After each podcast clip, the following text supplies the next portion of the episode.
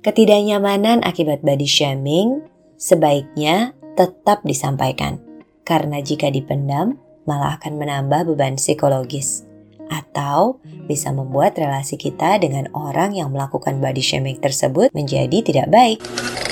Semua bisa cantik podcast. Setiap perempuan berhak dan layak disebut cantik tanpa terkecuali.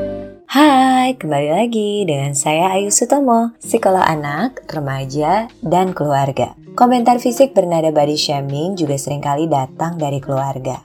Bahkan orang tua sendiri, sering kali anggota keluarga terutama yang lebih tua, belum memahami bahwa komentar fisik tersebut bisa menyakiti hati.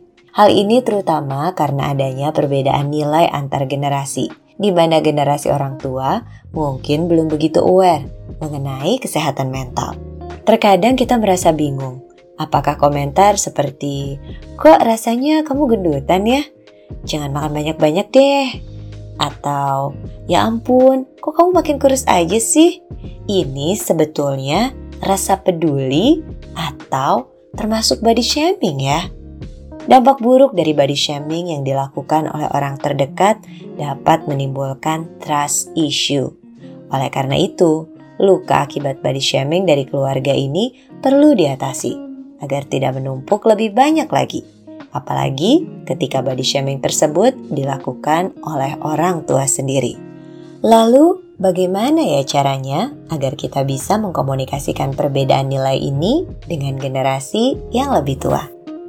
Ketidaknyamanan akibat body shaming sebaiknya tetap disampaikan karena jika dipendam malah akan menambah beban psikologis atau bisa membuat relasi kita dengan orang yang melakukan body shaming tersebut menjadi tidak baik.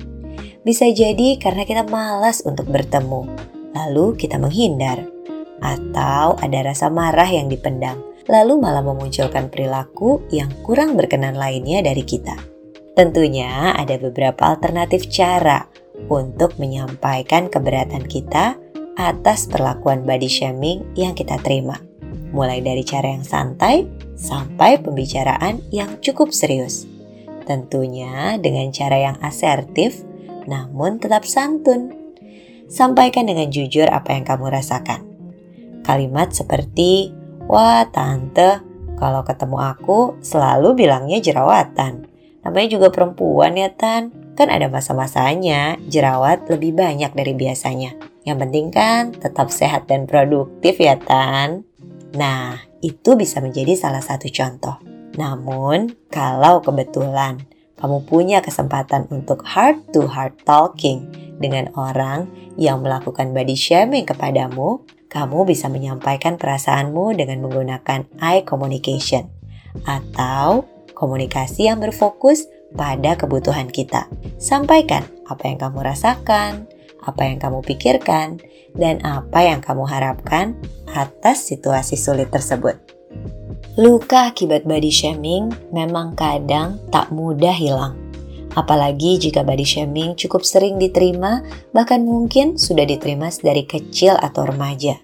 Untuk mengatasi luka, sekali lagi selalu ingat bahwa kita tak pernah bisa mengontrol apa yang orang katakan tentang kita, sedekat apa pun kita dengannya. Oleh karena itu, saat mengalami body shaming, sadari bahwa yang dapat dikontrol adalah bagaimana kita mau mempersepsikan body shaming yang kita terima tersebut.